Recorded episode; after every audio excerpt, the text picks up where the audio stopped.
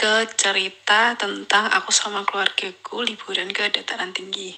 Nah, jadi kan itu aku nyusul kan. Waktu itu tuh kayak sekitar jam 8-an gitulah aku sampai di daerah itu. Cuman aku belum sampai gitu loh ke penginapannya. Nah, aku kan dilewatin maps tuh dilewatin kayak lewat belakang.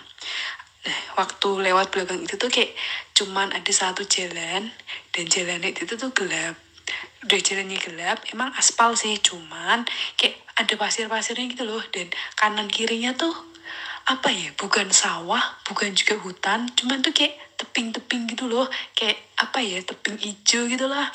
Nah waktu aku buka jendela kayak udaranya tuh ya Allah adem banget dan kalau aja aku tuh lewat sini tuh pagi pasti pemandangannya bagus banget. Soalnya tuh kayak gimana sih kayak apa ya kayak belah suatu tebing terus tebingnya tuh kanan kirinya tuh kayak ijo-ijo gitu loh